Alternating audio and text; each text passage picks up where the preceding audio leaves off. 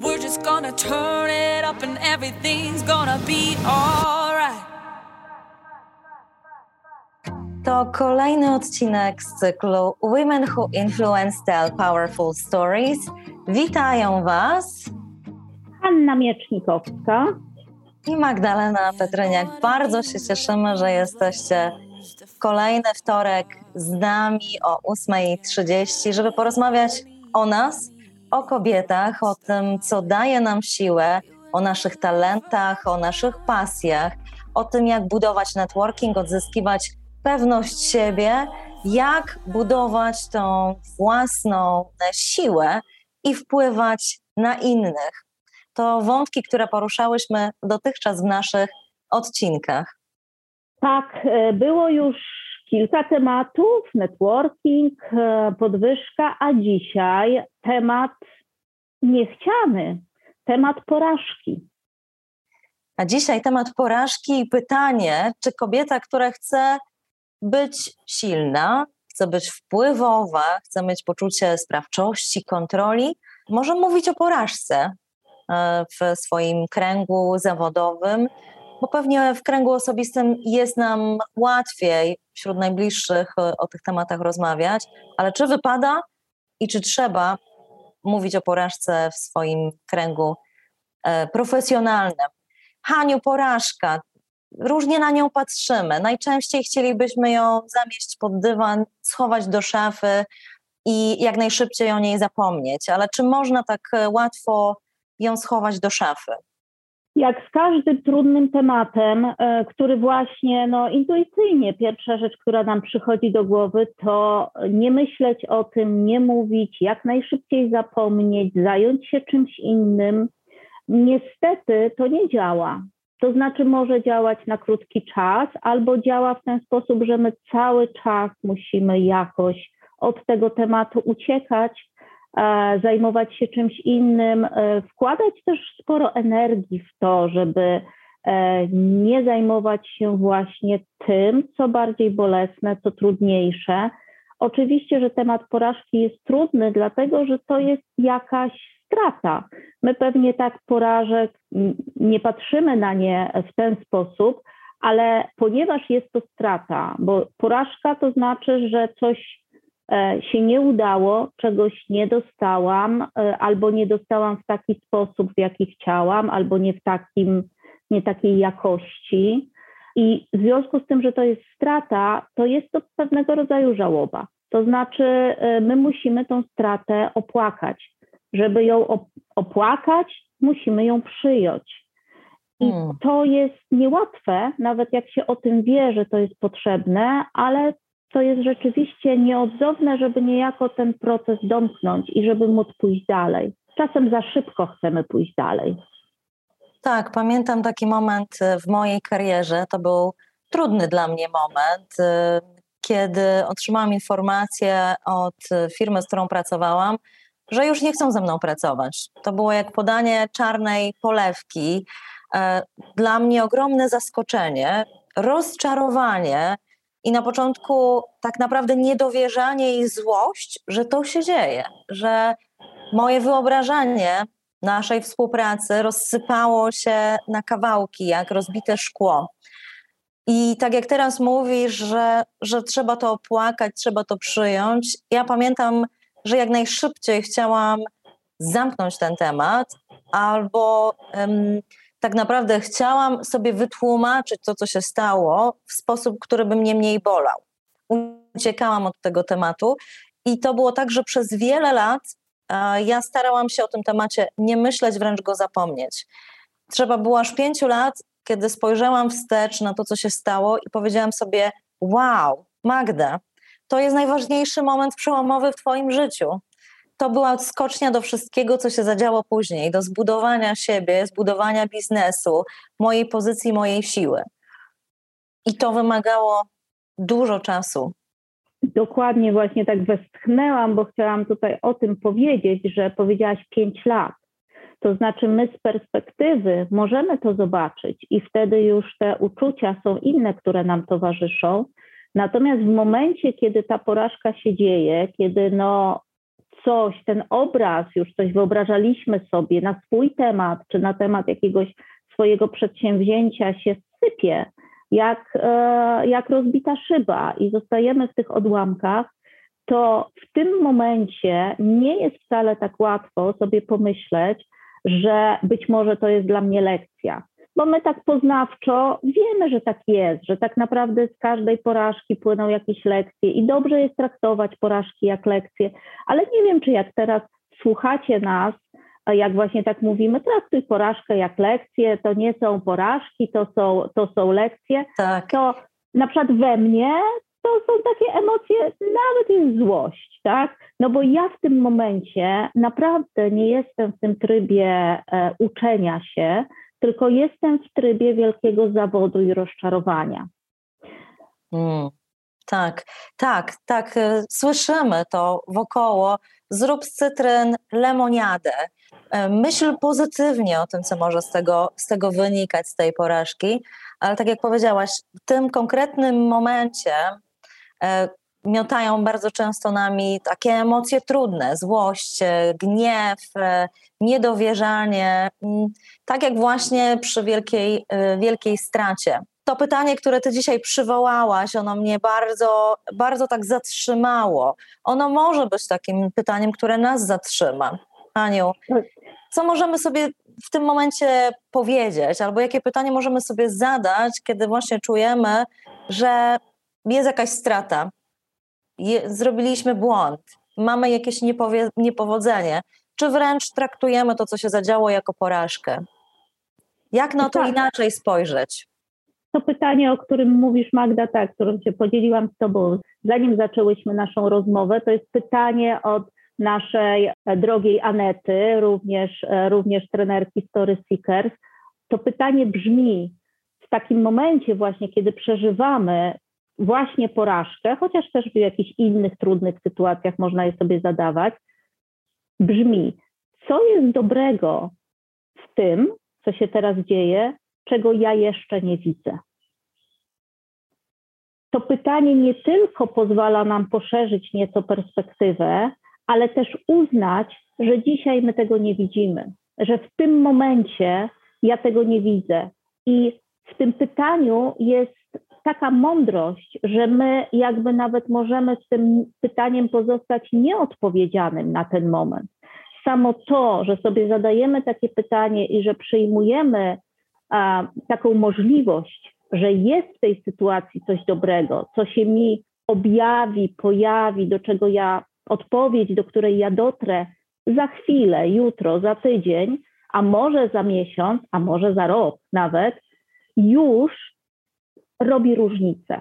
Ja nie będę Wam mówić, że to oznacza, że stajemy się natychmiast szczęśliwi i już ha, super, że w ogóle ta porażka jest, ale poszerza nam perspektywę, poszerza nam obraz, nie pozwala na to, żeby ta nasza no też zawód samymi sobą e, zredukował nasze widzenie tylko do tego, żeby tylko to było na scenie, żeby jednak, żebyśmy jednak nawet widzieli, że nawet jeśli nas za, wokół nas jest ciemność, to w tej ciemności jest coś dla nas, to jest jeszcze do tak. odkrycia. Tak, jest to dla mnie bardzo ważne pytanie. Ono mi w tym momencie przypomina o wszystkich momentach e, rozpaczy po straconym przetargu, po przegranym przetargu, po utraconym kliencie, po źle, źle ocenionym warsztacie albo nieudanym związku, kiedy mogę sobie samej też zadać pytanie, co dobrego z tego dla mnie wynika, czyli na co tworzy się przestrzeń dla mnie. Co dobrego jeszcze ja mogę zrobić, e, albo co powinnam zrobić, żeby z tej sytuacji wyniknęło dobro. E, to jest dla mnie też pytanie, nad czym ja powinnam popracować. Tak, porażka czasem jest wynikiem no, różnego rodzaju, czasem zbiegów okoliczności, a czasem po prostu tego, że nie zwróciliśmy uwagi na coś, co jest bardzo ważne. I to jest też taki moment wzięcia odpowiedzialności e, za, za tą sytuację i za porażkę. Ja czuję bardzo mocno, że bez tego wzięcia odpowiedzialności i bez przyjęcia, że to się zdarzyło w moim życiu, mm, trudno jest pójść dalej i coś zmienić. Ja dopiero, tak jak patrzę na tą historię stratą pracy, dopiero kiedy przyjęłam, że tak, były momenty, kiedy ja popełniałam błędy, były momenty, kiedy ja nie reagowałam tak, jak powinna była. I jest to część, tej, ta sytuacja jest moją odpowiedzialnością. To nie jest tak, że ja chcę zrzucić tą sytuację na kogoś innego. To dało mi wolność do tego, żeby iść dalej, ale też siłę, żeby potem stanąć przed nimi, przed innymi o tym opowiedzieć. Odpowiedzialność. E, bardzo ważne słowo. Wzięcie odpowiedzialności za to, co się wydarzyło i e, jak będę dalej postępować, e, albo co, co zrobię, żeby, żeby coś zmienić, poprawić, zrobić inaczej, jest czymś innym niż biczowanie siebie, krytykowanie siebie, atakowanie siebie bardzo agresywnie czasem, w zależności od tego, jakiego mamy wewnętrznego krytyka, jak bardzo strogiego, o krytyku rozmawiałyśmy już, e, to atakowanie siebie bardzo nam nie służy. To znaczy nie zmieni już tej sytuacji, nie, jest, nie jesteśmy w stanie cofnąć się w czasie i zrobić jeszcze raz tego samego lepiej, natomiast czujemy się, nie dość, że się czujemy e, tacy ograbieni z jakiejś możliwości, z jakiejś szansy, z właśnie z czegoś, z naszych marzeń, bardzo często pragnień, to jeszcze dodatkowo jesteśmy um, przez naszych wewnętrznych krytyków za to poniżani i traktowani naprawdę w taki sposób, w jaki z pewnością my sami nigdy nie potraktowalibyśmy żadnej innej osoby, nie tylko bliskiej, ale w ogóle jakiej, e, jakiejkolwiek. Dlatego to rozróżnienie. Wezmę odpowiedzialność, ale też tak właśnie w prawdzie stając. To znaczy, rzeczywiście tego nie zauważyłam, to mogłam zrobić inaczej. E, tu miałam sygnały, ale je zignorowałam. Prawdopodobnie są takie rzeczy, Y, z celem, że ja to widzę i teraz się będę zastanawiała, jak to następnym razem zrobić inaczej, jeśli nadal chcę pozostać oczywiście na tej ścieżce, bo czasem są takie porażki, które pokazują, że to w ogóle nie jest nasza ścieżka i że my powinniśmy całą ścieżkę zmienić. Tak. Bardzo trudno to się przebija do naszych umysłów, ponieważ lęk przed zmianą e, jest E, opór przed zmianą jest bardzo duży. To jest ewolucyjnie w nas. E, nasze umysły nie, nie znoszą niepewności, więc bardzo często, jak już mamy jakąś ścieżkę, szczególnie jeśli włożyliśmy tutaj jakąś pracę i wysiłek, no to nie chcemy tego tracić. I pozostajemy na tej ścieżce, albo nadal jesteśmy bardzo przyklejeni do jakiegoś naszego pragnienia, które dopiero ta porażka, wtedy dopiero możemy zostać skonfrontowane że no nie, jednak to nie jest ta ścieżka. Za dużo to kosztuje. Mm, dokładnie. Pytanie do Was, naszych słuchaczy, naszych słuchaczek, kiedy myślicie o porażce, jakie słowa przychodzą do Was z tych, o których teraz rozmawiamy z Hanią, a może jakieś inne. Podzielcie się z nami, napiszcie do nas. Bardzo jesteśmy zawsze ciekawe z Hanią, jak wy odbieracie dany temat, jakie wy macie przykłady, jak wy radzicie sobie y, z tą sytuacją, jak wy obejmujecie chociażby temat y, porażki. Haniu, chciałabym teraz przenieść tę rozmowę na taki grunt bardziej profesjonalny, zawodowy, grunt takiej sytuacji, w której na przykład jestem liderką albo mam swój zespół i czy ten temat porażki, jak się nim z jednej strony zaopiekować, ale z drugiej strony jak go wnieść do dyskusji, do przestrzeni e, naszego zespołu. I tu krótką anegdotę bym chciała na początek, e, prawdziwą, przywołać. Podczas jednego z naszych warsztatów, które prowadziłam e, w Londynie, wystąpił wiceprezes do spraw sprzedaży. To było w toku rozmów e, o, o historiach. I opowiedział swojemu zespołowi taką oto historię. Słuchajcie, opowiem Wam historię największej porażki, jaką popełniłem w ostatnim miesiącu. Rozmawialiśmy z klientem o przetargu. E, I w kopii był klient, ale też był nasz zespół. I w pewnym momencie, wymieniając korespondencję, chciałam napisać do naszego zespołu, że z tym klientem w ogóle nie będziemy pracować, bo on jest beznadziejny i w ogóle nie rozumie e, naszej wartości, naszych produktów i koniec. I odpisałem po prostu w komunikacji. Myślałam, że wykasowałem klienta, ale nie wykasowałem klienta. Klient to zobaczył. I odpisał do mnie jako prezes, wiceprezesa do spraw sprzedaży i do całego naszego zespołu, że rozumie i widzi, jak my go po prostu odbieramy jako klienta. I on wyszedł z tą historią, żeby powiedzieć swojemu zespołowi sprzedaży, że sam popełnia błędy, że są takie sytuacje, które nie powinny się zdarzyć, ale on o nich mówi, żeby pokazać, co można z tym zrobić dalej. I opowiedział, jak z tego wyszedł, do czego to doprowadziło w spotkaniu z klientem. Spowodowało to to, że ludzie ze sprzedaży zaczęli przywoływać historie straconych kontraktów, które nazywamy porażkami sprzedażowymi, jako lekcje dla całego zespołu i pytanie, co mogliśmy zrobić lepiej, co mogliśmy zrobić inaczej. I nie tylko wywołało to dyskusję o tym, co możemy robić lepiej, pozwoliło im to zobaczyć, jak możemy odzyskać klienta, ale przede wszystkim zbudowało to zaufanie w zespole, że to nie jest e, e, jakiś stygmat, że to nie jest coś bardzo negatywnego, tylko że to jest przestrzeń, w której my możemy o takich tematach rozmawiać. Doprowadziło to do z pewnością większego otwarcia i zaufania. I teraz myślę o takich sytuacjach, w których my możemy temat porażki wnieść, ale pytanie, czy to właśnie lider nie powinien być pierwszy, żeby oswoić i zachęcić zespół, dać taką przestrzeń i prawo. W naszej organizacji możemy rozmawiać o porażkach. Zdecydowanie myślę, że nawet bym powiedziała, że po tym poznamy dobrego lidera, który e, jeśli oczekuje czegoś od swojego zespołu, to jest gotowy na to, żeby e, samemu takim być, to robić i e, takie zachowanie i też prawo do tego, przyzwolenie, pokazując jakby swoją też, e, swoim zachowaniem pokazuje też wartości firmy czy organizacji w tym momencie, że jest na to przyzwolenie w tej organizacji, żeby dzielić się też tym, co nam nie wyszło.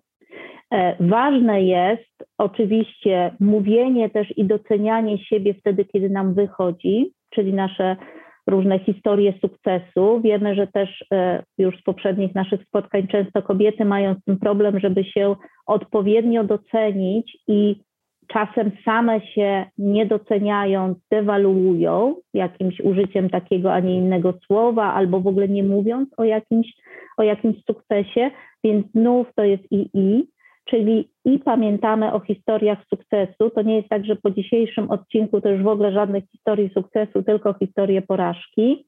To ma być jedno i drugie, no bo tacy jesteśmy też jako ludzie. Mamy i mocne strony, i słabe strony, lepsze dni, gorsze dni. I e, z sukcesem i porażką jest podobnie. I to, co przytoczyłaś, to ja bym powiedziała, nie wiem, co wy poczuliście, jak tego słuchaliście, jak Magda mówiła. Ja poczułam, że ja bym chciała być w takiej organizacji, ja bym chciała mieć takiego lidera.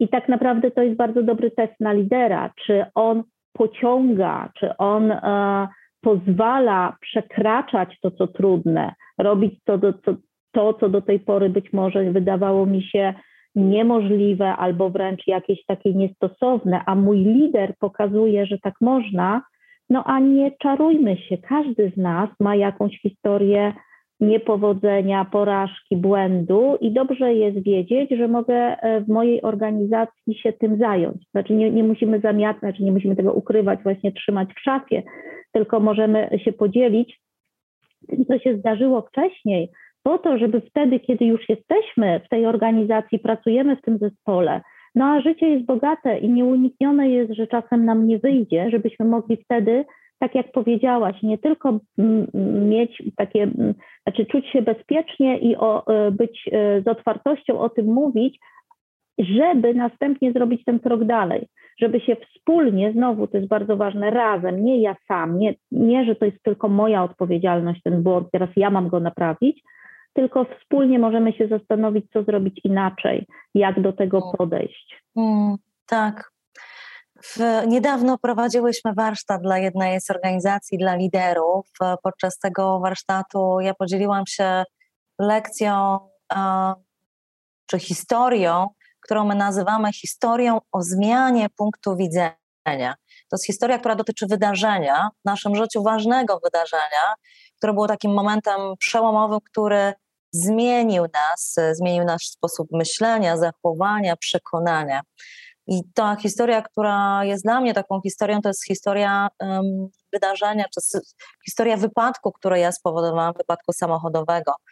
E, I ja o tej historii opowiedziałam na tym spotkaniu liderów e, i muszę Wam powiedzieć, podczas przerwy podeszło do mnie kilka osób, w tym Marcin, i powiedział: Magda, wiesz, mam bardzo podobną historię, może nie dokładnie ten samo zdarzenie, ale ta sama lekcja, e, która ten, to, to zdarzenie doprowadziło dalej do, u mnie do rozwoju duchowego, do rozwoju siebie.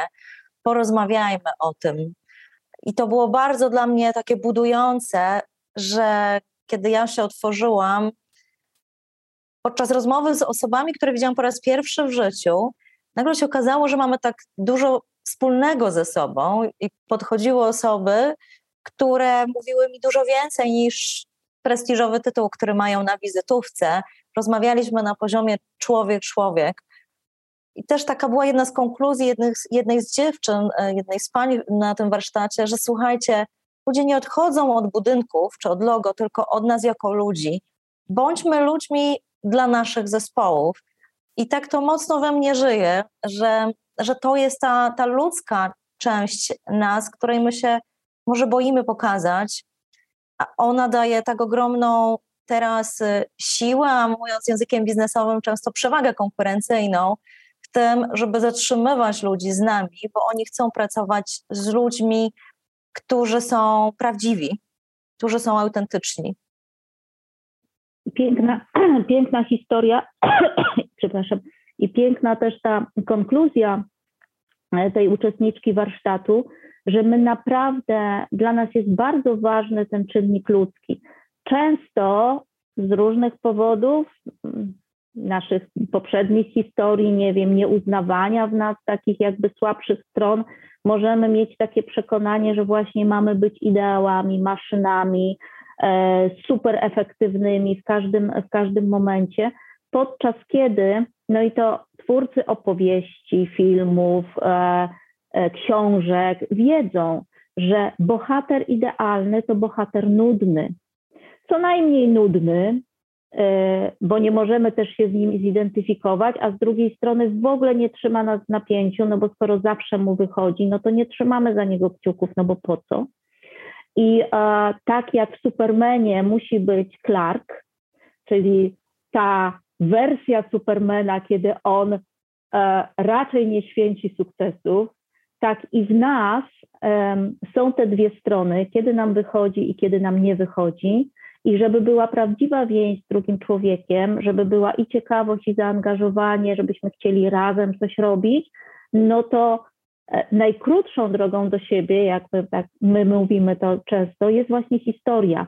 Okazuje się, że właśnie może to być historia nie tylko o mnie, w mojej, prawda, najlepszej energii, najlepszej odsłonie, kiedy zdobywam szczyty Kilimandżaro jak Magda, ale również w tej odsłonie, kiedy robię coś, co e, jest, co mnie zawstydza, czego potem żałuję, bo okazuje się, że ta historia może wpłynąć na innych w taki sposób, że oni poczują z nami wspólnotę i będą chcieli z nami pracować.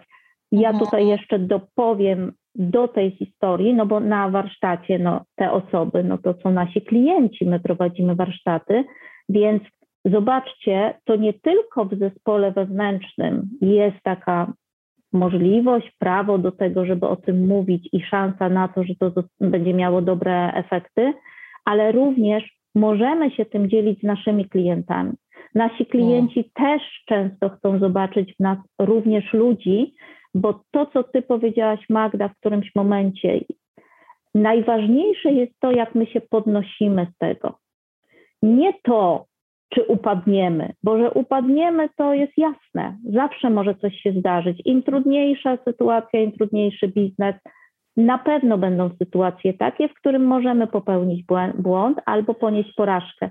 Pytanie jest, co, po, co potem zrobimy. I nasi tak. klienci również to docenią, bo często można się spotkać nawet z takim pytaniem, ok, jak będzie trudna sytuacja i będziemy właśnie poniesiemy taką stratę, to co wtedy byś zrobił, tak? Jak wtedy się zachowamy?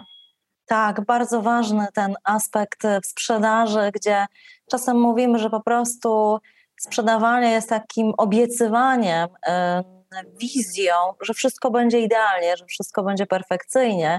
A jak byśmy zareagowali właśnie na sprzedawcę, który mówi: Słuchaj, może się coś nie udać, może zadziać się porażka, bo ja pracując z innym klientem i pamiętam dokładnie na jednym z warsztatów w Stanach Zjednoczonych, gdzie występował pan, który prowadzi bardzo duże, um, dużą firmę budowlaną i on powiedział, wiecie co, muszę wam o tym powiedzieć. Kiedyś e, tworząc pewną inwestycję, chcieliśmy bardzo ograniczyć koszty i zmniejszyliśmy ilość e, stali, którą um, uzbrajaliśmy budynek i doprowadziło to do dużego wypadku.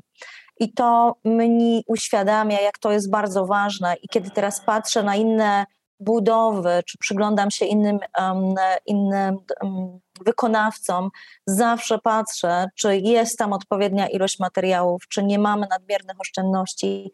I mówię Wam o tym, dlatego że raz poniosłem taką ogromną porażkę, i to jest ważne we współpracy. Więc to, po, to potwierdza. Haniu, zbliżamy się do finału. A we mnie jest jeszcze taka myśl o tej porażce, bo myślę, że, że przedstawiłyśmy dzisiaj ją w takim świetle patrzenia, co dobrego z tej porażki może wynikać.